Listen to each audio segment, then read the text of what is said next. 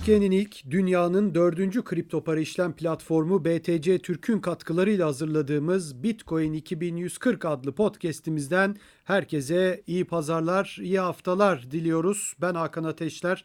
Arkadaşım Burak Köse ile birlikte yeni bir konuyla, konularla daha doğrusu yoğun bir haftadayız. Sizlerle birlikteyiz. Gerçekten çok çok ilginç zamanlar geçiriyoruz kripto para evreninde. Konuşacak çok fazla konu var. Tabii ki fiyatı konuşacağız, altcoin'leri konuşacağız. Elon Musk'ı ve aslında yaptığı büyük U dönüşü konuşacağız. Herkese tekrardan iyi dinlemeler diliyoruz ve programımıza başlayabiliriz. Burak hoş geldin. Hoş bulduk Hakan sen de hoş geldin. Teşekkürler. Gerçekten yani Elon Musk'la başlayalım istiyorsan. İlginç bir hafta evet. geçirdik. Çarşamba akşamıydı zannediyorum Türkiye saatiyle. Elon Musk bir tweet attı ve o tweetteki yazıda da şirketi Tesla'nın Bitcoin ile araba alım satımını askıya aldığını söyledi, bilgilendirdi insanları ve buna sebep evet. olarak da Bitcoin'in harcadığı büyük enerji ve bu harcanan enerjinin elde edilmesi için de kullanılan işte fosil yakıtları, kömür ve, başta olmak üzere bu böyle bir sebep öne sürdü. Ve bunu Hemen ve evet. bunu e, elektrikli araç üretimi yaparken tabii, söyledi. Tabii. Bir de bu var. Tabii tabii hepsine geleceğiz zaten evet. onların. Yani burada dosya kabarık. Çok kabarık. Onu belirtelim. Şimdi hemen ben senin fikrini merak ediyorum komplo teorileri de var bu konuyla ilgili. Çok ciddi eleştiriler var Elon Musk'a. Tabii iş yani Elon Musk'ı takipten çıkanlar CZ'di zannediyorum çıktı takipten. Evet.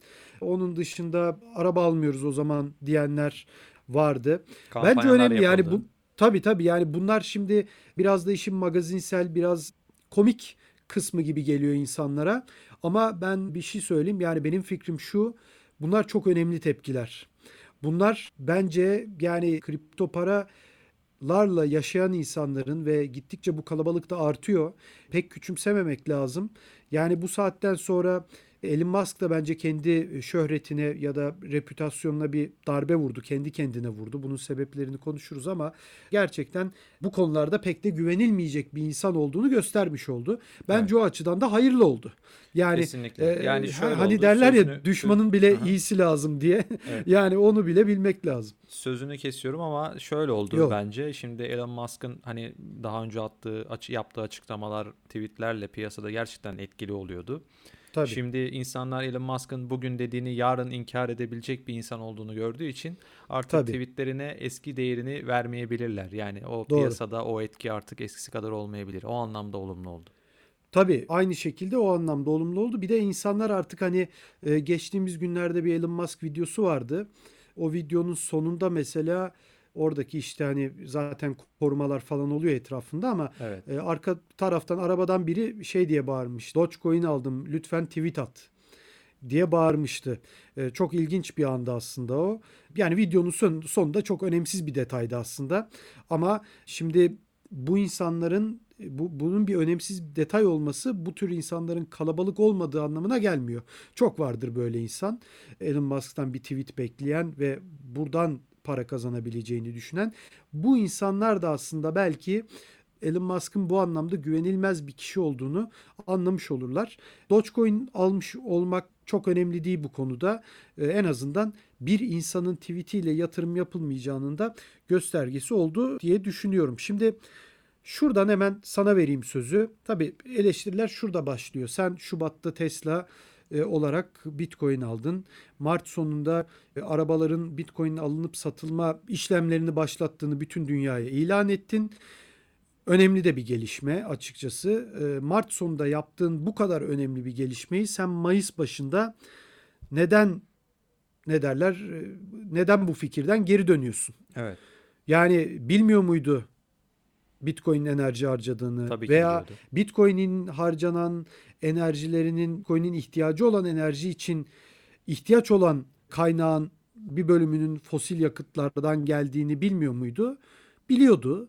Peki sence neden böyle bir şey yaptı? Ne oluyor? Şimdi benim şöyle bir teorim var. MicroStrategy dediğimiz şirket artık adı konmayan bir Bitcoin ETF haline gelmiş durumda. Şimdi o hisseye yatırım yapan bir nevi Bitcoin'e de yatırım yapmış oluyor. Bu kurumsal yatırımcılara Bitcoin'e regüle bir yatırım yolu sunuyor bir yandan. Şimdi Tesla'ya da dikkat edersek onlar da biliyoruz ki Şubat ayında 1,5 milyar dolarlık Bitcoin alımı yaptılar. Ve bu alımla bir yıl boyunca ürettikleri araçlardan elde ettikleri bu karın daha fazlasını Bitcoin'den kazandılar. Şimdi bu noktada Tesla'nın Bitcoin satışını da eklemek lazım. Orada gördük Tabii. ki e, Bitcoin üzerinden net bir karlılık amacı güdülüyor. Hatta bir bu de e, satış... çok özür dilerim. Evet. Biz bunu daha önceki podcastlerde de seninle konuşmuştuk. Evet. Bu e, çok da güvenmeyin. Bugün alır, yarın satar. Bizim derdimiz başka Bitcoin ile ilgili diye konuşmuştuk seninle. Biraz evet. çabuk sattı ama sonuçta şirket bunlar yani satar. Evet, Adam tabii. satmış yani. Tabii. Satacak tabii. Aynen. Hatta işte bu satış Tesla'nın Bitcoin kabul ediyoruz diyerek fiyatı şişirdiği bir dönemde yapıldı. Bence buna da dikkat çekmek lazım. Ee, Tesla'nın 272 milyon dolarlık o Bitcoin satışı Mart ayının son haftası geldi. Ve orada da Tesla dedi ki 24 Mart'ta yanlış hatırlamıyorsam 23-24 Mart gibi bir tarih olması lazım. Biz Bitcoin kabul etmeye başladık dedi. Fiyatları orada şişirdi. İşte tekrar fiyatlar 60 bin dolara kadar geldi. O noktada da satış yaptılar. Ee, ki hani şirketler biliyoruz her çeyrek dönemde mali sonuçlarını açıklarlar. İşte bunları o şirketlerin yatırımcıları çok yakından takip ederler. Tabii. Tesla burada işte kendi şirketin mali durumunu düşünerek Bitcoin'de de çok ciddi işte 270 milyon dolarlık bir satış yaptılar. Oradan ciddi bir kar geldi. Ee, bunun yarısından fazlası kardı muhtemelen. Yani bu sayede işte hem şirketin mali durumunu daha iyi gösterdiler. İşte Bitcoin'deki bu e, elde ettikleri karla birlikte Tesla daha önce işte geçtiğimiz yıllardaki dönem raporlarına baktığımızda Tesla'nın hep zarar açıkladığını görüyoruz. İşte son 2020 ile beraber işte kar açıklıyorlar ve son dönemdeki raporda da en çok karı geçtiğimiz dönem elde ettiler. Geçtiğimiz çeyrek dönemde elde ettiler. Bu da Bitcoin sayesinde oldu. Yani aslında Elon Musk'ın bu açıklamalarına bu gözle bakmak lazım. Son açıklamasıyla da ne yaptı zaten? Bitcoin'in fiyatını aşağı çekti ve bu sayede kendileri için bunu çok daha ucuz bir fiyattan alma şansı elde ettiler. Doğru. Yani burada hatta Elon Musk'ın daha önce kendi hissesi için bile bu manipülasyonları yaptığını biliyoruz. Yani Tesla şu an fiyat çok pahalı diye bir tweet atmıştı geçmiş yıllarda. Orada Tesla hissesi büyük bir düşüş yaşamıştı ve Orada da yine kendisi için, şirket için bir e, hisse alım fırsatı yaratmıştı. Bunu Bitcoin'de de yapıyor aslında bir yandan. Tesla'nın açıklamasına dikkat edersek biz Bitcoin'lerimizi satmayacağız diyorlar ve e, hatta almayacağız da demiyorlar yani. Bitcoin alabilirler hala sonuç olarak. Tabii tabii. Bunu sadece tabii. ödemelerde askıya aldılar. Ödemelerde kabul tabii. etmiyorlar. Onun dışında alımlarını belki de aldılar ki biz Coinbase cüzdanları genelde Coinbase'e çalışıyor bu şirketler Bitcoin alıp satarken. Coinbase cüzdanlarına baktığımızda da bu e, fiyat düşüşleri sırasında oradan da ciddi çıkışlar gördük. 10.000 Bitcoin'lik çıkışlar gördük. Yani belki de Tesla Bitcoin almış olabilir şu anda. Onu bilmiyoruz. Şu da var. Yani mesela Square de açıklama yaptı. Bundan sonra çok da almayı düşünmüyoruz. Yok o onu dedi. düzeltelim. O ilk böyle Öyle basına mi? o şekilde yansıdı. Evet sonra daha sonra işte Square'in finans direktörü açıklama yaptı. Bizim Bitcoin stratejimizde değişen bir şey yok. Bu yatırımımızı değerlendiriyoruz. Sürekli değerlendirmeye devam hmm. ediyoruz. Çünkü orada da yapılan açıklama evet. aslında mantıksız oluyor eğer böyleyse. Ama düzeltildiyse tabii sorun yok. Çünkü yani sen almayı düşünmüyoruz deyip ondan sonra Bitcoin her şeyi iyiye götürmek için var olan bir varlıktır. Biz de Bitcoin'i iyiye götürmeye çalışacağız dersen mantıksız olur. Yani madem bu kadar iyi bir şey Bitcoin niye almayı durduruyorsun diye Tabii. sorarlar adama yani. Evet, evet. O açıdan çok mantıklı olmazdı zaten. Kesinlikle yani onların açıklama son açıklamalarına baktığımızda da işte stratejimizde değişen bir şey yok diyorlar ve alabilirler evet. yani bundan sonra da. Tabii. Ee, ben burada Elon Musk'tan devam etmek istiyorum. Çünkü bu çok önemli bir konu. Evet. Ee, insanların gerçekten bence bir bağımlılığı oldu Elon Musk'a. Çok yani suni bir bağımlılık bu. E, olmaması gereken plastik bir bağımlılık bence. Ama olmaması lazım tabii. Şöyle mesela geçtiğimiz cumartesi akşamı geçen hafta e, Saturday Night Live'a katıldığı zaman mesela orada gerçekten benim gözümden düştü. Ha diyeceksin ki yani senin gözünden düşsen olur, düşmesen olur. Ama şu açıdan gerçekten e, yani benim gözümden düştü derken aslında birçok insanın evet, gözünden evet. düştü. Onu belirtelim. Şu açıdan sen bir iş adamısın. tamam bu kripto para işleriyle ilgileniyorsun, teknolojiye yatırım yapıyorsun, büyük işler başarıyorsun. Hepsine tamam. Ama oraya çıkıp yani Dogecoin ile ilgili e, daha önemli şeyler e, eğer ciddi projelerin varsa tabii. Bunları anlatmak varken yani orada gerçekten bir komik bir skeçle, gerçekten teatral bir skeçle de çok güzel sorular soruldu Elon Musk'a hiçbir şekilde cevap veremedi. Yani Dogecoin ne dediğin zaman işte arzı şu kadar, madenciliği bu kadar gibi cevaplar veriyor. Tamam da yani ne? diyor adam da orada. Yani e sonunda da dolandırıcılık mı? Dolandırıcılık. Ve ondan sonra da böyle işte to the moon deyip bir komedi programında aslında komiklik yaptı Elon Musk. Ama komiklik için orada değildi o aslında. O komedi programında komiklik yapması gerekenler programın sahipleri. Sen orada ee, yine tabii ki eğleneceksin, güleceksin, tabii ki espriler yapacaksın ama biraz daha hani kripto paraları ve Dogecoin'i anlatabilirdi. Dolayısıyla orada Dogecoin ve dolandırıcılık mevzusu olduktan sonra ve sonunda da hani hiçbir şekilde umru olmadan işte to the moon diyerek gülerek ya işte salla gitsin gibi hareketler evet. yani onlar. Bunları yaparak aslında birçok insanın da bence gözünden düştü diye düşünüyorum. Senin yani fikirlerini de merak ediyorum bu konuda. Şurada bir çelişki var. Elon Musk Bitcoin'i... Yani oradan başlamıştı aslında sanki bu Tesla muhabbeti. Ee, çok alakasız gelebilir ama yani oradaki o e, tırnak içinde söyleyeyim laubalilik sanki onun bir gün böyle bir hareket yapabileceğini yani o Tesla'nın e, Bitcoin'i askıya alması gibi bir hareket yapabileceğinin sinyallerini vermişti bana. Yani bu Şu adam da, bugün hı. Dogecoin'e dolandırıcılık diyorsa sonra da to the moon oley falan gibi eğleniyorsa böyle bir ciddi konuda aslında yani 3 gün sonra Dogecoin'i de tırnak içinde söyleyeyim yine satar.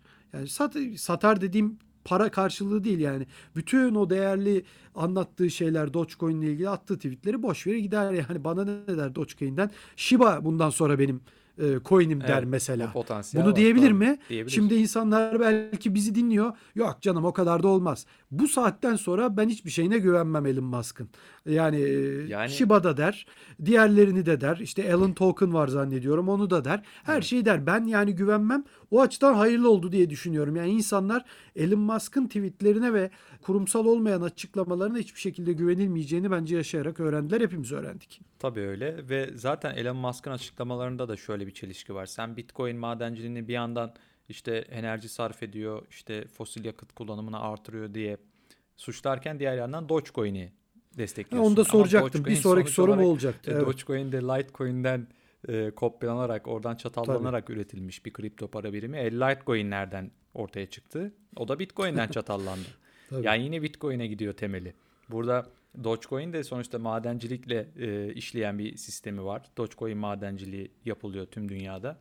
E, o zaman hani Dogecoin'in kendisi şey olsa işte proof of stake dediğimiz işte madencilik gerektirmeyen bir sisteme sahip olsa o zaman bu anlaşılır. Yani burada zaten en temelde böyle bir çelişki var ki şu şu söyleniyor. Mesela bazı karşılaştırmalar görüyorum ben. Bitcoin ağı şu kadar elektrik tüketiyor. Dogecoin ağı bu kadar elektrik tüketiyor. O zaman Dogecoin daha çevreci. Ama hmm. zaten Dogecoin'in zinciri küçük olduğu için e, daha böyle güvensiz olduğu Dogecoin'i için. Dogecoin'i de milyonlarca, on milyonlarca insan satın alsın. Bakalım ne oluyor o zaman. Yani işte Dogecoin'in saldırı, saldırılara karşı Bitcoin'e göre çok daha savunmasız olduğu için tabii, zaten tabii, enerji tabii. bir bir zaten bu nedenle daha az enerji harcıyor. Daha az çevreci tırnak içinde. Yani Bitcoin'i e, tartışmasız şekilde güvenli kılmanın bir karşılığı var. O da enerji tüketimi zaten. Tabii. Yani e, eğer bu konuda başka söyleyeceğin yoksa yavaş yavaş istiyorsan Bitcoin'in biraz enerji tüketimine geçelim. İşte e, Tabii yani hemen ona geçelim. bahsederiz belki. Tabii. Tabii o zaman sana sözü bırakmadan önce şöyle bir oraya bir giriş yapalım. Yumuşak bir geçiş yapalım. Aynı Bitcoin gibi e, enerji tüketimiyle ilgili ben direkt zaten söyleyecektim söyleyeceğimi. Yani baktığında Şimdi Bitcoin'i e, değil mi 100 milyondan fazla insan galiba Bitcoin evet. satın almış değil mi? Evet. Bu 30'du geçen sene zannediyorum. Bir ara 30'du. Evet. Yani çok büyük bir zincir ve şimdi yani öyle bir durum ki bu. Sen Amerikan dolarına kafa tutan bir parasın. Yani sen e, Amerikan doları derken tabii bütün dünyaya kafa tutmuş oluyorsun Amerikan dolarına kafa tutunca. Dolayısıyla sen bütün dünyaya yayılmış, bütün dünyanın öve öve bitiremediği Amerikan bankalarının şimdi Amerikan deyince şu anlaşılmasın yani hep Amerika Amerika e, bu Türkiye'de de var tabii ki uzak doğuda da var Bitcoin ile ilgili çalışmalar şirketler ama Amerikan şirketleri, Amerikan bankaları, Amerikan parası ve devleti dediğiniz zaman dünyanın en güçlüsünden bahsediyorsunuz. Ve bütün dünyayı bu anlamda kontrol eden ya da etmeye çalışan bir ülke ve onun ekonomik sisteminden bahsediyorsunuz.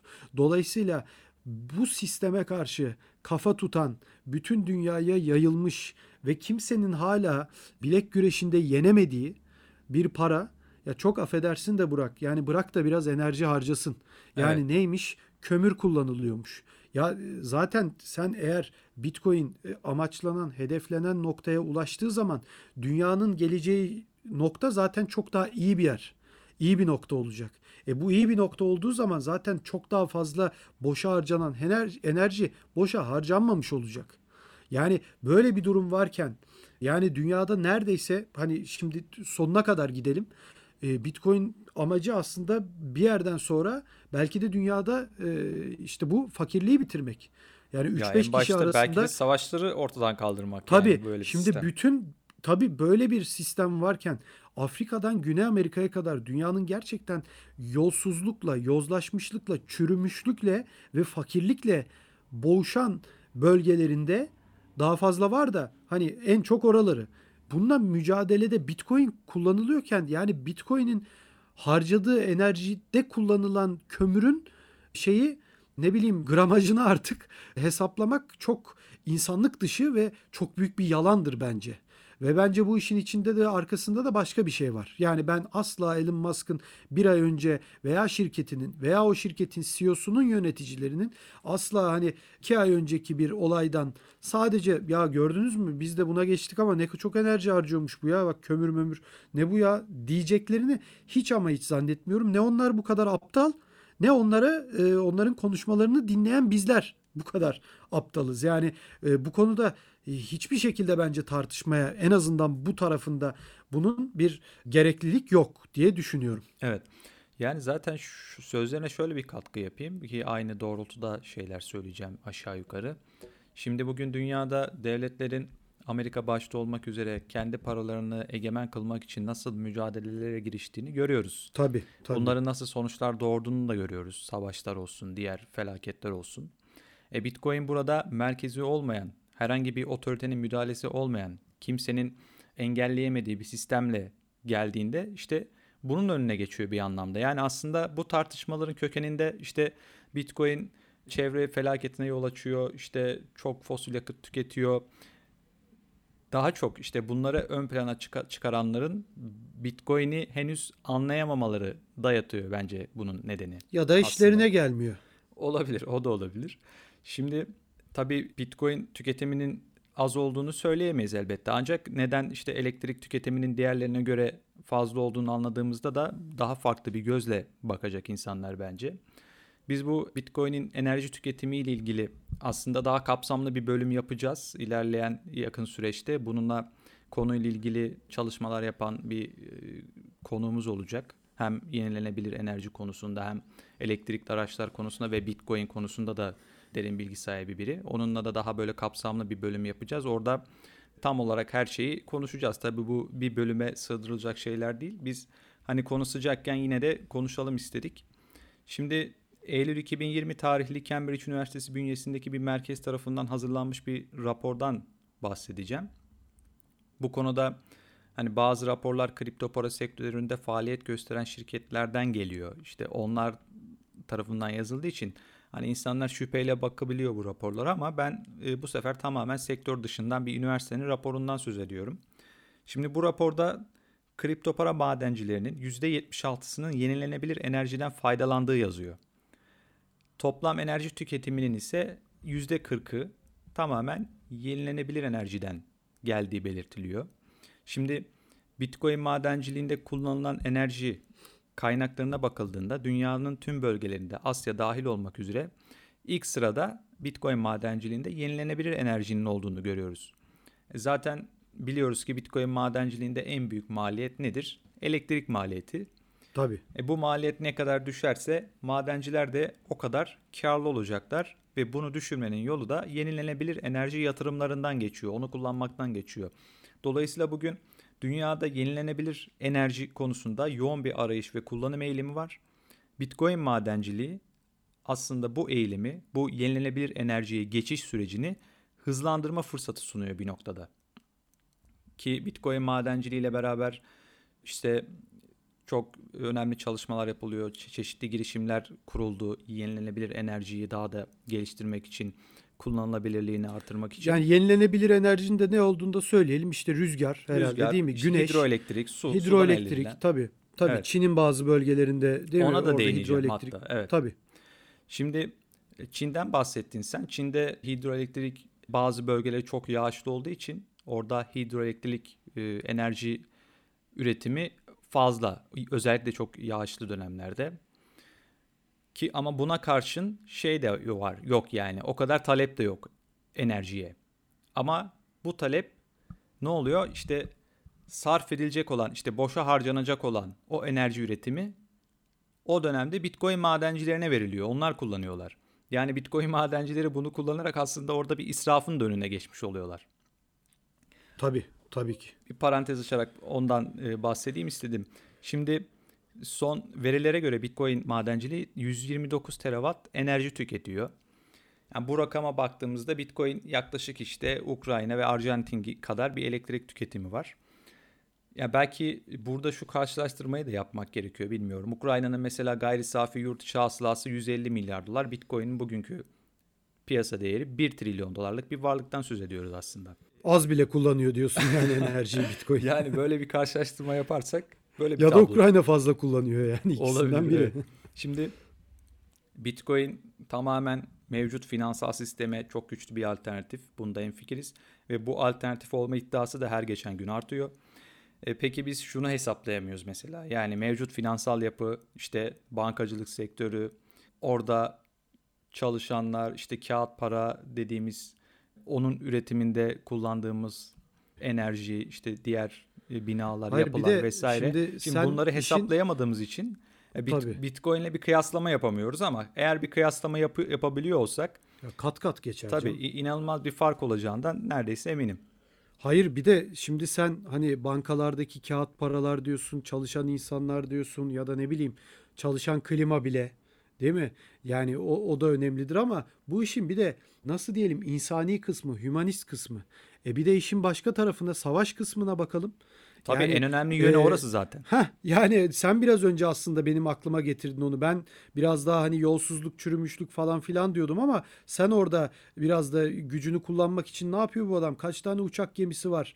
Kaç tane e, değil mi? Mesela şimdi Akdeniz'de e, doğalgaz bulundu. Türkiye'nin de dahil olduğu birçok ülke bir mücadelenin içinde. Evet. Eyvallah tamam. Kaç tane gemi var Akdeniz'de şu anda? Ne kadar benzin yaktınız, ne kadar kömür yaktınız onlar için sadece o gemilerin çalışması için. Bunun uçak kaldırması var, bunun asker de şeyi gö- götürmesi, getirmesi, bunlar için harcanan masraflar falan. Bunlar hep nereden çıkıyor? Bunlar hep senin benim bütün dünyadaki vergi ödeyici insanların, ödeyenlerin cebinden çıkıyor. Yani e, bugün Türkiye'de bir şey yaptığı zaman, bizim e, ordumuz da bir yere gittiği zaman biz bunu vergimizden ödüyoruz. E Amerikalı da onunki olduğu zaman o vergisini ödüyor. E dolayısıyla biz bunu zaten ödemiş oluyoruz. Ama Bitcoin'in yaptığına baktığın zaman ne kimseyi öldürmüş işte bugün değil mi Orta Doğu'yu görüyoruz neler evet. oluyor. Çocuklar, kadınlar, Bitcoin çocuklara, kadınlara e, zarar mı vermiş veya Bitcoin bir ülkenin batmasına mı sebep olmuş? Bitcoin savaş mı çıkarmış? Yani kullanılan o yüzden şunu söyle yani bana hiç inandırıcı gelmiyor Elon Musk'ın açıklaması onu söyleyeyim. Ya ona da tekrar değinmek gerekirse Elon Musk'ın da yenilenebilir enerji ile ilgili çalışmaları şeyleri var yani. E, hatta geçtiğimiz günlerde bir haber evet. okumuştum. Yani biraz da o, o yönden bakmak lazım Elon Musk'ın sözlerine. Evet. Hayır biz uzman coin'de de bunun haberini çok yaptık. Bu sene de yaptık, geçen sene de yaptık. Ben şu haberi hatırlıyorum. Hangisiydi? Panama Körfezi'nde zannediyorum ya da Meksika açıklarında petrol çıkarma platformları var ya hani o büyük dev gibi. Orada Hani sen biraz önce şey dedin ya evet. e, Çin'de boşa çıkan enerjiyi madenciler kullanıyor da israfı önlüyor diye. Evet. Orada da boşa çıkan bir doğal gaz oluyormuş petrol Ki o da çevre felaketi yaratıyor. Heh, Tabii o doğal gazı da kullanıyor bazı şirketler madencilik yapmak için, Bitcoin madenciliği yapmak için. Yani aslında Bitcoin'i gerçekten Bitcoin'le uğraşan, madenciliğini yapan insanlar gerçekten bu işi e, dünyaya bir zarar vermeden yapmanın da yollarını arıyorlar ve buluyorlar ve tabii herhalde çok daha ucuza da mal edecekler. Yani tabii. onu da göz ardı etmemek lazım. Yani e, win-win oluyor burada her açıdan. Hani bu anlamda tek sözü sana bırakıyorum. Gerçekten en son enerji harcıyor. Dünyayı, doğayı kirletiyor işte. Yok buzullar eriyor falan. Bu bunun suçlanacağı en son nokta Bitcoin diye düşünüyorum ben. Tabii sana şöyle bir ekleme yapayım. Yoksa bu işin... podcast'i de çekmeyelim. Hiçbir şey yapmayalım evet. yani. Açmayalım şeyleri yani mesela ne bileyim maçlar oynanıyor değil mi? Bütün dünyada NBA maçları, futbol maçları hepsi gündüz oynansın mesela. Niye akşam oynanıyor? Yanmasın o koca koca ışıklar. 11 tane adam, 22 tane adam topun peşinden koşacak diye koca koca lambalara ne gerek var açmaya diye bu gider bunun sonu gelmez diye düşünüyorum. Yani. Evet kesinlikle öyle. Şimdi işin bir de altın madenciliği yönü var. Tabii, altın madenciliğinin Onu, tabii. biz nasıl bir çevresel felakete yol açtığını ülkemizde de görüyoruz ki altın madenciliği dediğimiz sadece enerji sarfiyatı yok. İşin bir de çevresel işte kazı tabii. yapıyorsun, işte o doğayı mahvediyorsun. Zaten bunun örneğini Kaz Dağları'nda biz gördük yakın zaman tabii, önce. Tabii tabii. Altının iki yönlü bir etkisi var. Şimdi elbette altının endüstride önemli bir yeri var. Bunda herhangi bir şüphe yok. Tabii Bununla ki. beraber işte takı ve işte diğer anlamsız amaçlarla da çok ciddi bir kullanımı var. Ve Bitcoin madenciliğine bu nedenle saldırırken altın madenciliği konusunda burada bir net bir iki yüzlülük var bence. Şimdi bir altın yüzük için bir altın yüzük için 20 ton atık oluşuyor. Bir altın yüzüğü üretmek ben için. Ben bil, bilmiyordum bunu evet. Evet. Yani bu araştırmalarla saptanmış bir şey. Şimdi Bitcoin Bitcoin ise işte bankacılık sistemlerine erişimi olmayan, çok ciddi devalüasyona uğramış ülke para birimlerine artık güvenleri kalmamış halklara da çok yardımcı oluyor. Mesela yakın Tabii zaman ki. önce yanılmıyorsam Times'tı yurt dışına iş için çıkmış olan Nijeryalıların ailelerine para gönderebilmek için Bitcoin'i kullandığını okumuştum yoğun bir şekilde ve her geçen günde bu kullanımın arttığını yazıyorlardı. Yani işte Nijerya ailelerine para gönderecekler. İşte orada e, herhangi bir diğer sistemleri kullanamıyorlar bir şekilde hükümet engelliyor tabii. işte veya işte farklı yönlerden. Hatta seninle sık sık konuşuyoruz. Venezuela örneği var zaten Doğru, orada. Tabii tabii. Swift'in geçerli olmadığı ülkeler var. İran, Venezuela. Bu, burada insanlar Bitcoin ödeme alıyorlar küresel olarak. E, Bitcoin kullanıyorlar. Şimdi aslında burada yapılması gereken Bitcoin madenciliğinin harcadığı enerjiye odaklanmaktansa yenilenebilir enerjiye erişimi güçleştiren problemleri ortadan kaldırmaya odaklanmamız lazım. Yani böylece sadece Bitcoin değil, e, diğer tüm her şey tamamıyla yenilenebilir enerjiyi kullanacaklar ve çok daha bir ne diyelim yeşil bir dünyaya doğru ilerleyeceğiz diye düşünüyorum. Tabii tabii ben de aynı şekilde düşünüyorum. Çünkü yani hem bu kadar e, dünyada işte 7-8 milyar nüfusu artık 7,5 milyara yakın bir nüfus var ve bu, bu varken artık bir yerde yani bu bu şeyle düzelmeyecek. Hani kısalım az harcayalım. Ben reklamlarda görüyorum. Yani işte suyu az harcayalım. Ya tamam tabii ki israf etmeyelim de hani sen ben suyu israf etmeyeceğiz diye ona kalırsak o çok zor. Yani bu anlamda ben burada enerji harcanmasındaki kaynaklarda da aynısını düşünüyorum. Yani kömürü az harcayalım. Yok böyle bir şey yani kömür harcanırsa harcanır. Yani bunu maalesef insanın yapısında bu var. Bin yıl önce de böyleydi bu insanın yapısı. Sen yapmazsan öbürü yapacak. Her konuda bu böyle. Bir e, ülkede yozlaşmışlık mı var? Ben çok iyi bir insanım. Ülkenin başına geçtim. E, ben yozlaşma, yozlaşmaya izin vermedim. Çalmadım, çırpmadım. Peki eyvallah. Benden sonra gelen yapabilir. Dolayısıyla sistemi düzeltmek lazım. Burada da Bitcoin'e geri dönecek olursak sistemin de tamamen bu anlamda yenilenebilir enerjiye yönelik olmasından başka çare ben yok diye düşünüyorum. Tabii ki Bitcoin'den söz ediyorsak bu konuda her geçen gün artan bir kullanım var. Yani Bitcoin madenciliği örneğin bu pandemi döneminde yenilenebilir enerjiyi de şu yönde teşvik etti. Mesela şirketler dünyada işte zaten Türkiye'den de görüyoruz. Borsa İstanbul'da halk arz olan birçok son dönemde rüzgar e, rüzgardan elektrik elde eden şirketler tabii, oldu. İşte tabii. diğer yenilenebilir enerji kaynaklarından e, elektrik üreten şirketler halka arz oldu ve bu konuda Türkiye'de olduğu gibi dünyada da giderek artan bir eğilim var. Çok ciddi şekilde Şimdi, yani ben sözünü kestim bu e, evet. İstanbul'dan geçen yaz işte Ege tarafına giderken arabayla birkaç kere orada inanılmaz şekilde bu rüzgar panellerinin panel değil güneş paneli de rüzgar neydi ben de unuttum şimdi Türbini. adını. Ha türbini evet rüzgar türbinlerinin inanılmaz derecede sayısal olarak arttığını gördüm ve birkaç arkadaşımdan da yabancı uyruklu biliyorum. İspanya'da ve Yunanistan'da da e, yani hep tabii deniz kenarında ve muhtemelen rüzgar alan yerlerden bahsediyoruz. Evet. İnanılmaz derecede de bu e, tür yatırımların arttığını duydum. Yani e, birçok ülke buna geçiyor artık. Yani görünen şu bence önümüzdeki 5 yıllık bir süreçte biz artık bu Bitcoin madenciliği, fosil yakıt harcıyor, işte çevreyi felakete sürüklüyor gibi tartışmalara biz görmeyeceğiz artık. Gidişat o yönde. Ee, az önce bahsettim pandemi döneminde Bitcoin yenilenebilir enerjiyi nasıl teşvik ed- ediyor gibi bir şeyden bahsettim. Şirketler mesela bu salgın sırasında yaklaşık biz bir yılı geçti bu salgın dönemi ve hı hı. dünya neredeyse durma noktasına geldi. Yani çalışanlar fabrikalarına gitmedi işte veya evden çalıştılar. Tabii, şirketler tabii. peki bu elektrik enerji üreten şirketler ne yaptılar? İşte Amerika'da, Kuzey Amerika'da özellikle bu şirketlerin boşa gidecek olan bu enerjisini Bitcoin madencilerine kullandırdılar. Bitcoin de o dönemde çok ciddi bir hem hash rate arttı, madencilik faaliyeti arttı.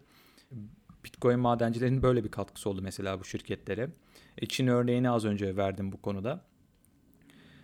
Yani e, biraz önce de işte bu konuda çeşitli girişimler var olduğundan söz etmiştim. Mesela bunlardan biri Crypto Climate adında bir girişim var. Bunun gibi çok girişim var zaten. Bu e, bir tane değil. 2025 yılına kadar tamamen yenilenebilir enerjiyle çalışmasını hedefliyorlar Bitcoin ağının. Son dünden bu yana birkaç haber düştü. İşte Amerika'daki en büyük Bitcoin madencilik şirketlerinden biri olan mesela Argo Blockchain tamamen yenilenebilir enerjiyle madencilik faaliyeti yapabilmek için onlar ayrı bir e, girişime başladılar ki bunun öncesinde farklı girişimler vardı. Yani görünen şu önümüzdeki birkaç yılda biz Bitcoin madenciliğinde yenilenebilir enerjinin kullanımının artacağını göreceğiz ve muhtemelen bir 5 yıllık bir süreçte de tamamen e, temiz kaynaklar kullanılacak madencilik evet, için. Ben burada bir komplo teorisi sormak istiyorum sana. Fikrini de merak ediyorum. Bunu bir yerde okumadım ama böyle bir intiba oluştu bende belki birkaç tweette görmüşümdür hatırlamıyorum. Yani bir anda öyle aklıma geldi. Şimdi Elon Musk'ın bu açıklaması hemen ardından bir enflasyon açıklaması Amerika'da değil mi? Yani evet. bunların ve son dönemde gitgide artan bu anlamdaki işte olumsuz haberler diyelim. Sanki biraz yani e, komplo teorisi mi bilmiyorum ama sanki böyle bir el e, hafif hafif bunu biraz kötüleyin diyor da öyle kötüleniyormuş gibi geliyor. Yani ben Elon Musk'ın burada Saturday Night Live'a çıkmasını da biraz çünkü orada da tamamen şöyle kripto paraları ciddi şekilde yatırım yapmak isteyen biri mesela e, o programı izlese bakayım ya bu Elon Musk ne diyor abi? Hani bu adam çıkıyor da tweet atıyor, tweet atıyor, insanlar alıyor. Bu Dogecoin neymiş, kripto para, Bitcoin neymiş diye o programı bir izlese e, soğur diye düşünüyorum. Yani biraz önce de konuştuk bunu. E, bu Amerika'daki enflasyon bu kadar artmışken bu tür sürekli bir çevre ve Bitcoin kirlilik, işte regülasyon, olumsuz evet. anlamda hep bunların konuşulması sanki üst üste geldi bunların hepsi çünkü.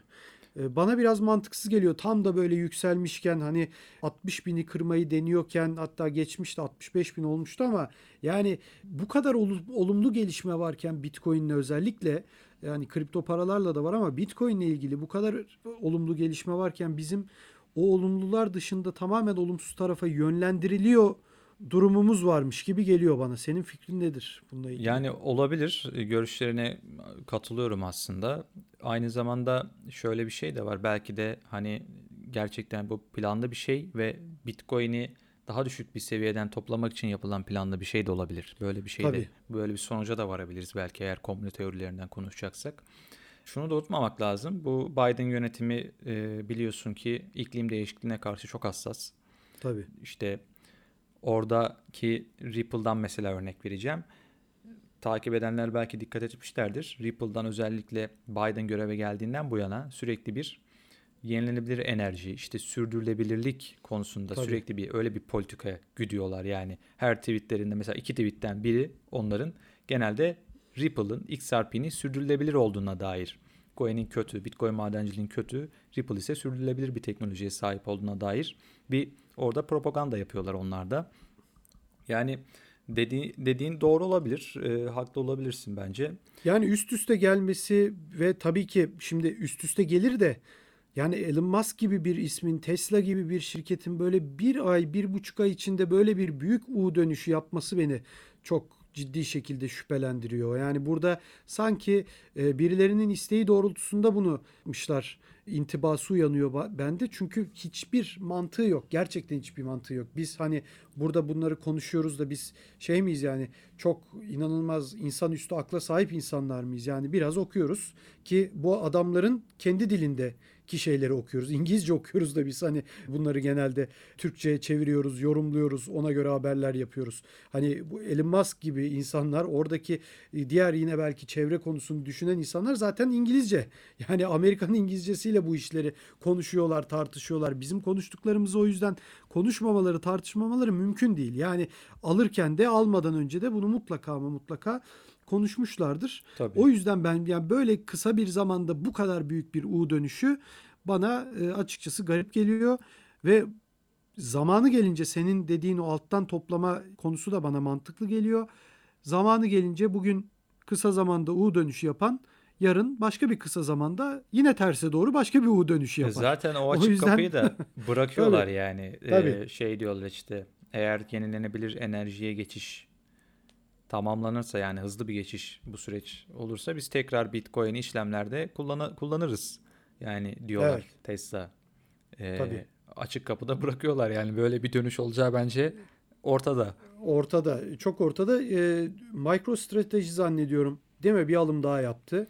O onlar alım yaptı. Ardından. Tabii o açıklamalardan onlar alım yaptı. Sonra işte farklı şirketler kripto para mesela 100 yıllık bir tane Amerikan Yatırım Bankası kripto para saklama hizmeti vereceğini açıkladı. Onun dışında evet, başka evet. bir e, milyarder serbest fon yöneticisi de kripto Cohen. para piyasasına aynen Cohen e, girmeye hazırlanıyor gibi bir haber ortaya çıktı. Yani kurumsal ilgi devam ediyor Bitcoin'e ee, karşı. Ee, şunu Herhangi soracağım bir... e, sana. Evet. Şimdi buna da ben dikkat ettim. Ne zaman böyle bir olumsuz işte FAD dediğimiz durum oluşsa Michael Saylor ortaya çıkıyor ve bir yani Bitcoin alımı açıklıyor şirketi MicroStrateji. Evet. Ben yani e, bunun da aslında belki onun şirketi açısından Michael Saylor için, MicroStrateji için iyi olabilir ama yani onlar hesaplarını yapmıştır ama bunun da sanki çok yani o da tek savunucu, tek e, o direniyormuş intibası veriyor biraz. Yani ben ne zaman Bitcoin'de bir düşüş olsa MicroStrateji alım yaptı. Bak dikkat et. Bundan sonra da yani bir düşüş olduğunda yine Michael Saylor e, pardon MicroStrateji alım yaptı haberi geliyor. Evet. Mutlaka. 65 binden Coinbase haberiyle 65 bine çıkmıştı Bitcoin. Sonra 60 binin altına düştü. 57 bin mi ne oldu? Ondan sonra da Michael Saylor açıklama yapmıştı. Ya bak fiyat çok önemli değil. Ama hep düşüşten sonra yapıyor. O beni çok açıkçası şaşırtıyor. Yani tesadüf müdür bilmiyorum. Senin de yani böyle bir şeye dikkat ettin mi? Fikrin ne acaba? Ben şunu söylemek istiyorum. MicroStrateji aslında tamam Bitcoin alıyor ama orada onun arka planda sadece MicroStrateji yok. Yani MicroStrategy'nin yatırımcılarına bak baktığımızda hani pro, şeye bölüme başlarken de söyledim. Artık bir Bitcoin ETF'ine dönüşmüş durumda şirket. Hmm. MicroStrategy'de bugün Morgan Stanley'in %10'luk bir hissesi var mesela ki onlar e, MicroStrateji Bitcoin yatırımı yaparken buradaki hisselerini artırdılar. Diğer birçok büyük kuruluşlar var MicroStrategy'nin yatırımcısı olan. Aslında bu MicroStrateji tek değil burada. Tek başına hareket etmiyor elbette. Anladım. Bu yatırımcıların desteğiyle birlikte hareket ediyor. Yani yatırımcılar o, o onayı vermese onu almaz diyorsun değil mi? Evet evet elbette öyle yani. Anladım. Sonuçta Morgan Stanley dediğimiz bugün dünyanın ve Amerika'nın önde gelen banka, yatırım bankalarından biri ve burada %10'luk bir hissesi var ki e, diğer şirketler aklıma gelmiyor. Onlar da önemli şirketler. Yani burada MicroStrateji Bitcoin hatırlıyorum ben Bitcoin'i ilk aldığı zaman MicroStrategy'nin piyasa değeri 1, 1 milyar dolardı. Son Tabii. rakamları kontrol etmedim ama muhtemelen 6-7 milyar dolar civarında olması lazım. Ee, belki de daha da fazladır. O nedenle yani burada aslında MicroStrateji alıyor bu Bitcoin'i. Evet onu görüyoruz ama diğer yandan arkasında aslında birçok şirket var MicroStrategy'nin. Evet. Birçok hissedar var. Bu konuda söyleyecek sözün varsa alalım. Biraz da fiyat konuşalım diye düşünüyorum ama bu Elon Musk'ın açıklamalarından dolayı ya ben senin ne diyeceğini tahmin ediyorum aslında. Aslında şöyle bütün bu konuşmalarımızdan sonra aslında fiyat konuşmamıza gerek var mı onu da bilmiyorum. Çünkü ikimizin de fikirleri hani bu gidişatın tabii yani biz şimdi yaptığımız yorumlardan belli. Hani burada bir hala bir düşüş kötü anlamda açıklamalar ve onun ardından gelen bir düşüş ben şahsen beklemiyorum. Yani e, zaten komplo teorisi midir nedir ne değildir işte sen söyledin düşükten mi acaba almanın planını mı yapıyorlar dedin mesela. Yani zaten bu, bunu söylüyorsan bir düşüşte beklemiyorsun demektir uzun vadede. Yani o açıdan ama yine de bir fikrini alayım yani insanlar da bir merak eder. Yani bu Elon Musk'ın açıklamaları bir yanlışım da olmasın ama 55 bin civarıydı zannediyorum dolar civarıydı. Daha sonra hatta bir 53'e düştü. 55-53 gibi gidiyordu ama sonra bir sert kırılım 50 bin, 47 bin, 46 bine kadar düştüğünü gördüm ben. Senin beklentin nedir? Acaba zayıf eller mi ayıklanıyor? Ne bekliyorsun? Yani ben açıkçası şunu söyleyeyim. E, genelde kısa vadeli yorum yapmaktan kaçınıyorum ve e, evet. yine orta ve uzun vadeli bir şey söyleyeceğim. Yani Bitcoin'in yıl sonunda benim beklentim, kişisel beklentim ve elbette insanların bu benim beklentilerime göre hareket etmesini istemem ve o vebali de almak istemem. O yüzden yatırım tavsiyesi değildir diyeyim. Ve yıl sonunda biz yıl sonuna kadar yani 65 bini görmüştük yani son. O Tabii. seviyenin üzerinde olacağız diye düşünüyorum açıkçası. Ben de zaten öyle düşünüyorum. Tabii 65 binin üstü deyince 65 e, binin üstünde bir sürü rakam var yani. 66 binde 65 binin üstü. 266 binde 65 yani burada, binin üstü. Burada, tabii burada çok şey var. Dediğin gibi çok Biliyorum, rakam var. Tabii ben tabii seni anlıyorum. Yani şimdi insanlar gerçekten bu da doğru değil. Yani e, biz istediğimizi söyleyebilmeliyiz aslında ama insanlar o kadar çok duydukları yorumlara göre hareket ediyorlar ki başta Twitter ve Telegram olmak üzere biz de burada bazı şeyleri çekiniyoruz ama ben de açıkçası hadi senden biraz daha dürüst davranayım ama yani 70 e, binle 100 bin arasında mutlaka bir yerde sene sonuna kadar ulaşırız diye düşünüyorum. Bu gidişat özellikle yaz aylarında ben sert e, yine sert hareketle mesela şu anda da bir sert hareket oluyor. E, evet. Bir hafta sonra yine 58 bine gelse Bitcoin. E ne oldu o kadar 48'lere 47'lere düştü geçen hafta iki hafta önce Elon Musk konuştu 46'lara düştü. Bir daha çıktı değil mi? 46'dan sonra da bir 58 gelse yine aynısı olmuş oluyor. O yüzden burada kesinlikle ama kesinlikle kısa vade düşünmemek lazım. O yüzden dikkatli olun ve mutlaka hep söyledik senle bunu. Bir tavsiye vereceksek haddimizce hep şunu dedik. Yani bunu bugün 52. hafta programı, 52. programımız bir yıl doldu. Tam bir yılı geride bıraktık bu podcast'te. Hep şunu söyledik. Burak da ben de şuradan alın, buradan alın, şu coin'i alın, bu coin'i alın bir kere bile demedik. Bir coin, e, bir podcast'in bir saniyesinde bile bunu denemedik. Ama hep şunu söyledik. Kardeşim hani paranızın değer kaybetmesini istemiyorsanız fiyata bakmayın. Her ay alın. Hani var ya Türkiye'de bir espri. E ben zaten 50 liralık benzin alıyorum.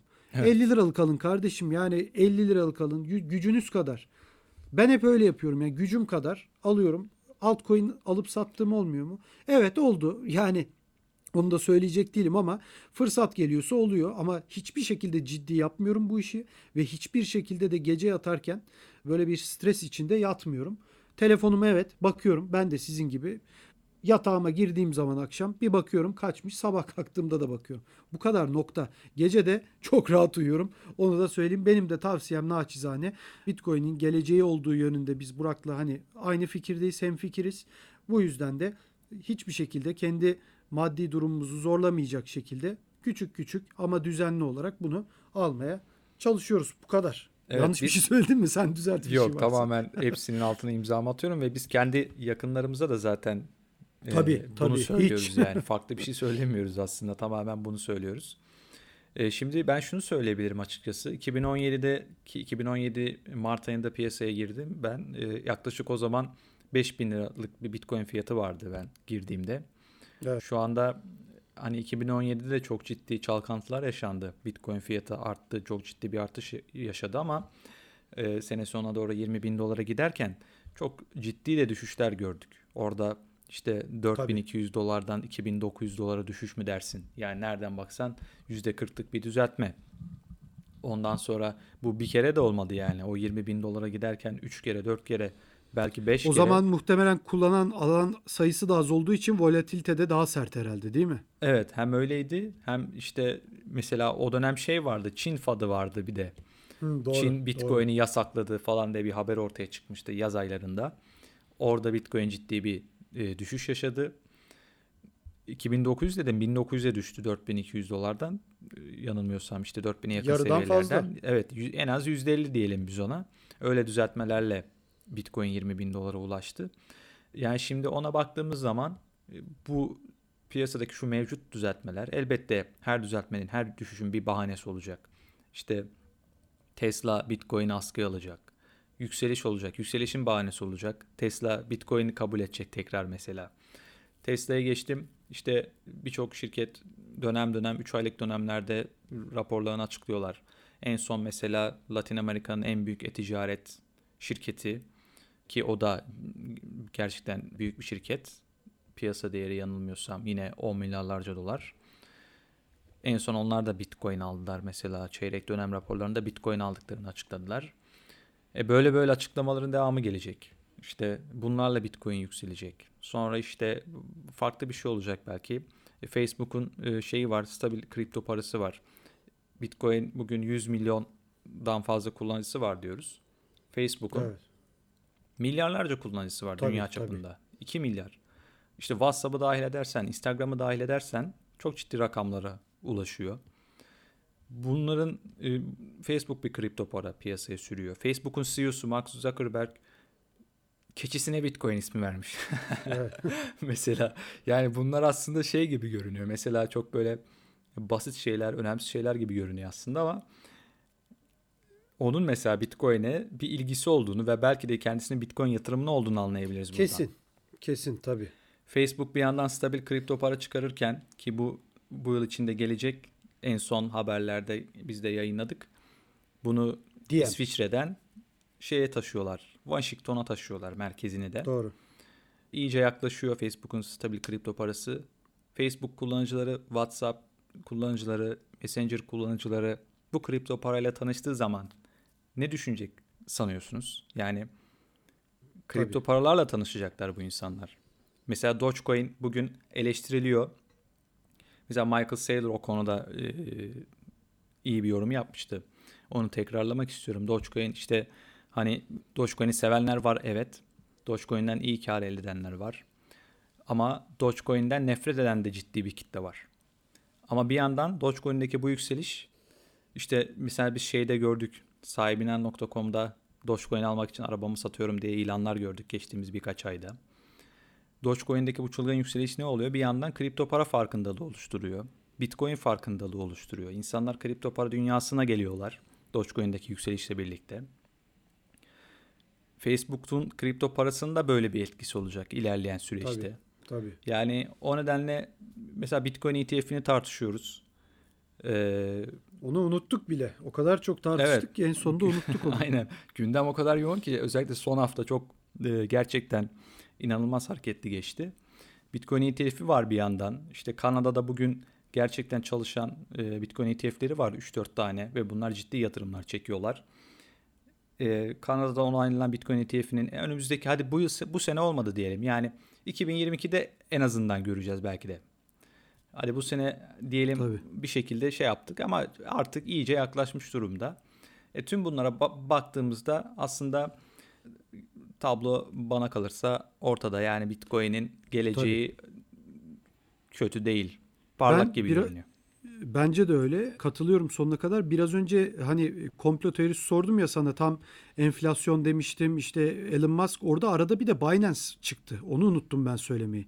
Şimdi sen evet. Facebook'un DM projesi Amerika'ya geçiyor deyince ben orada nedense bir anda aklıma Binance geldi. Hani bu kadar üst üste olması da bence biraz oyun gibi geliyor bana. Ki, hani tam enflasyon, hı hı. Elon Musk enflasyon bir de Binance soruşturuluyor. Bloomberg büyük harflerle. Yani sonra bir baktık yani soruşturuluyor ama şöyle bir bilgi verelim. Bunun haberini de yaptık zaten uzman coin'de. Binance zaten e, Amerika'nın başına yani Binance US'in başına Brian Brooks'u getirmişti değil mi? Evet. OCC'nin eski başkanı, Amerikan Para Kontrol Ofisi'nin eski başkanı Brian Brooks'u şey olarak getirdi. Yani regülasyonlarla ilgilenen yani, oradan sorumlu yönetici olarak BDDK, getirmişti. Şimdi, Türkiye'deki BDDK heh, neyse. Evet. Ama. Tabii yani şimdi ona e, getirmiş bir Binance bu ne demek? Demek ki Binance CZ e, Amerikan devletiyle anlaşmak, görüşmek e, ve onlara uyumlu hale gelmek istiyor demek. E zaten o haberden sonra yani Brian Brooks gibi bir isim Binance'in regülasyonlardan sorumlu yöneticisi oluyorsa ben zaten istediği kadar Amerika o saatten sonra soruştursun Binance. Yani bu kötü bir haber olmaz gibi geliyor. Yani oradan çıkmaz gibi geliyor bana açıkçası. Ya sırf o ya, evet. görevlendirme bile bunun göstergesi diye düşünüyorum. Burada bence Tether olayını hatırlayalım. Tether konusu işte piyasayı 2 evet. yıldır, 3 yıldır çok meşgul etti. Orada hep insanlar tedirgindi. İşte Tether'den kötü bir haber gelecek. ABD işte ha, kapatacak Haklı da bir tedirginlikti bunları. tabii. Tabii tabii ama bir yandan medya da bunları şey yapıyordu yani. Alttan alta körüklüyordu bu, tabii. bu endişeleri. Tabii. Sonunda ne oldu? İşte anlaşma yapıldı. Anlaştılar tabii. Teder de çok böyle cüzi bir miktar ödedi bunun için anlaşma karşılığında. Sadece New York'ta işte Teder çalışamayacak. Bunun dışında diğer evet. ABD eyaletleri ve dünyanın diğer bölgelerinde aynı şekilde faaliyetlerine devam edecek. Ve Coinbase listeledi Teder'i mesela. Yani bunun üzerine.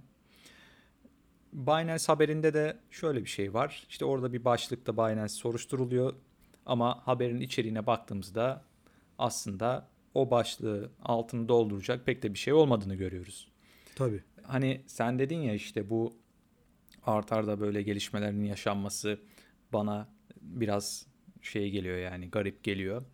Yani bu kadar üst üste iki gün içinde üç evet. tane haber bak. Yani Elon Musk e, askıya alma Bitcoin'in araç alımını ardından Amerikan enflasyonu açıklandı çok yüksek Bitcoin'in lehine olan bir gelişme ve hemen ardından da dünyanın en büyük borsası Binance soruşturuluyor. Under investigation. Yani inanılmaz bir anda zaten 47'lere 48'lere düştü Bitcoin. Evet. Yani nasıl bir panik yaratıldığını düşün. Yani o başlığın altını dolduracak bir haber olmaması Hiç, da tabii. aslında şeyi biraz destekliyor senin bu Doğru. iddianı. Doğru. Doğru. Yani ben, ben hani o Binance'de olunca orada aklıma geldi açıkçası. Hani dedim ya bir yerde mi okumuştum diye o Binance'miş. E, unuttum açıkçası.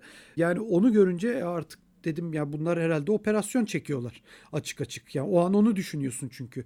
Gece Elon Musk, öğlen enflasyon Türkiye saatiyle, akşamüstü Binance. Yani bu açık açık bence bilerek yapılan bir durum. Senin dediğin gibi ya alttan toplama operasyonu olabilir birileri tarafından ya da açık açık savaş açmışlardır ama savaş açacakları bir şirket yok. Hep söylediğimiz gibi bir kişi yok. Bitcoin'in bir CEO'su yok ve yapabileceklerini de bence bundan ötesine geçmez diye düşünüyorum ben. Yani zaten e, beklenen bir şeydi bunlar, tüm bunlar. Tabii, yani tabii. devletlerin bir şekilde e, Bitcoin'in önünü kesmek isteyecekleri ki zaten bu bu döneme kadar çok denediler bunu. Dönem dönem yapılan açıklamalarla bunu denediler ama tabii. her seferinde başarısız oldu. Yine denemeye çalışıyorlar bir şeyler ve yine muhtemelen başarısız olacak. Ya bunları önümüzdeki süreçte de görebiliriz benzer şeyleri. Yani o nedenle Tabii. bunlara psikolojik olarak da hazırlıklı olmak lazım. Tabii çok dayanıklı olmak lazım. Senin dediğin gibi kripto para evreninde, dünyasında zaman çok çabuk geçiyor.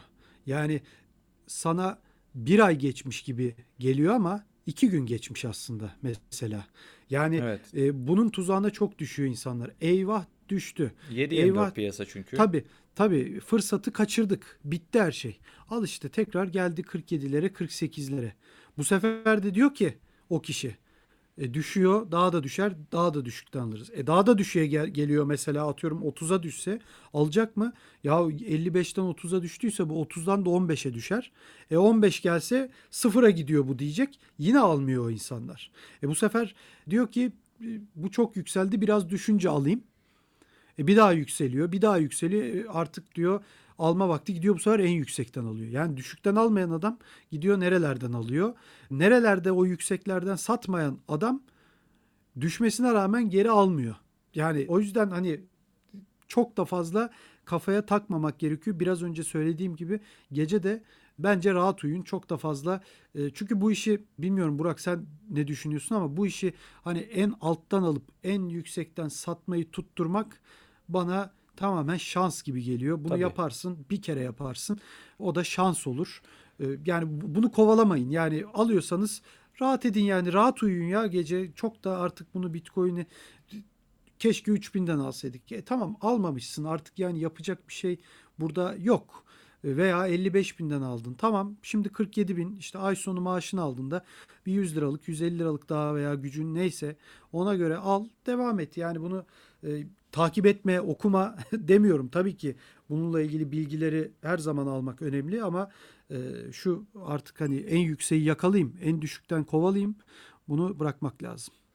Tabii kesinlikle öyle. E, zaten yani hep şey e, biz seninle o şekilde hareket ediyoruz. Tabii. E, iki yıl. En sonunda da kazanıyorsun böyle yapınca. Evet yani önümüzdeki iki yılı düşünüyoruz, üç yılı düşünüyoruz biraz. Tabii. Öyle bakıyoruz. Şimdi kendimizden örnek verirsek 2017'de yaptık yaptığımız yatırımlar mesela 2020 Aralık ayına geldiğimizde çok ciddi kayıp vermiştik. Yani o dönem çıkan Tabii. bir sürü insan oldu piyasada. Tabii. Benim en yakın arkadaşlarım biri mesela 20, 20 bine yakın seviyelerden aldı. 3 bin dolardan çıkış yaptı. Evet. Ama uzun vadeli düşünen ve bekleyenler bugün çok büyük mükafatlar aldılar. O nedenle Bitcoin'e gerçekten yani bu çok sık tekrar edilen artık klişeleşmiş bir şey ama uzun vadeli bakmak Bitcoin'de kazanmanın bence anahtarı. Tabii yani e, bu konuyla ilgili son olarak da şunu söyleyeyim. E, aslında daha önceki podcastlerde de çok söyledim. E, benim birkaç arkadaşım vardı yani benden de bir 5-6 yaş belki 7-8 yaş küçük. Hani e, demişlerdi abi sen Bitcoin alıyor musun? Alıyorum dedim de hani öyle çok yüklü miktarda girip yüklü miktarda çıkma değil dedim yani benimki. Abi ne yapacağız dedi yani biz de alamayız ki artık dedi. Sen erkenden girmişsin dedi. Ben dedim erkenden girmedim böyle böyle ama şimdi artık 9 bin dolar oldu dedi.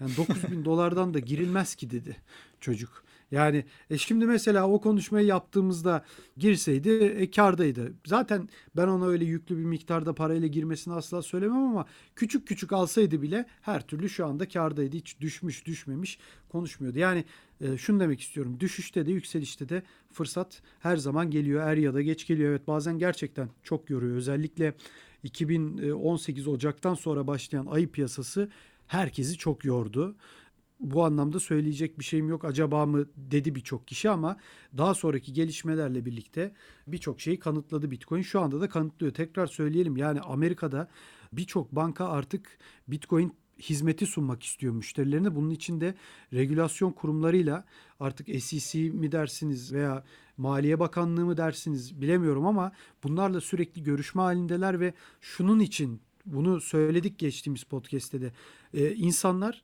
maaşları yattığı zaman veya bir para kazandıkları zaman bunun bir bölümünü hemen kripto para borsasına aktarıyorlar ve dolayısıyla bankadan çıkış yapıyorlar. Bankalardan bu anlamda nakit çıkışları olmaya başlamış ve insanlar hani Doge alır, Bitcoin alır, Ethereum alır onu bilemem ben doğrudur yanlıştır ama bankalardan böyle bir nakit çıkışı var ve bankalarda diyor ki artık e, tamam yani o zaman bizden çıkmasın bu para bari bizde dursun. Yani Bitcoin olarak biz tutalım, biz saklayalım diyorlar. Evet. Belki Bitcoin'in mantalitesine uyan bir durum değil ama en azından hani bu da bir gelişmedir diye düşünüyorum. Dolayısıyla bu tür bankalar bile işte Burak'ın biraz önce saymış olduğu e, hedge fon yöneticilerinden tutun da yatırım yöneticilerine kadar, yatırım şirketlerine kadar herkes bu işe açılmanın planlarını yaparken ve aman geç kalmayalım derken yani herhalde bu işin iyiye gideceğini düşünmekte saflık olmaz diye düşünüyorum. E, bu kadar olumlu haber varken 2-3 tane olumsuz haberi evet önemseyelim onları da konuşalım bugün yaptığımız gibi ama e, onların içinde de boğulmayalım. Çok daha büyük ve önemli haberler var zaten. Bunlar da gelmeye devam ediyor. Sadece kötü daha çok konuşuluyor belki olabilir. Çok teşekkürler. Ağzına sağlık Burak. Ben teşekkür ederim Hakan. Senin de ağzına sağlık. Teşekkürler. Evet bir podcast'imizin daha sonuna geldik. Türkiye'nin ilk dünyanın dördüncü kripto para işlem platformu BTC Türk'ün katkılarıyla hazırladığımız Bitcoin 2140 adlı podcast'imizde ben Hakan Ateşler ve arkadaşım Burak Köse ile birlikte bu haftanın gelişmelerini değerlendirdik. Şöyle kısaca bir fiyata da değindik diye düşünüyorum. Ee, yine yaklaşık bir saate aşkın bir podcast'i tamamladık. Gelecek hafta görüşmek dileğiyle. Hoşçakalın.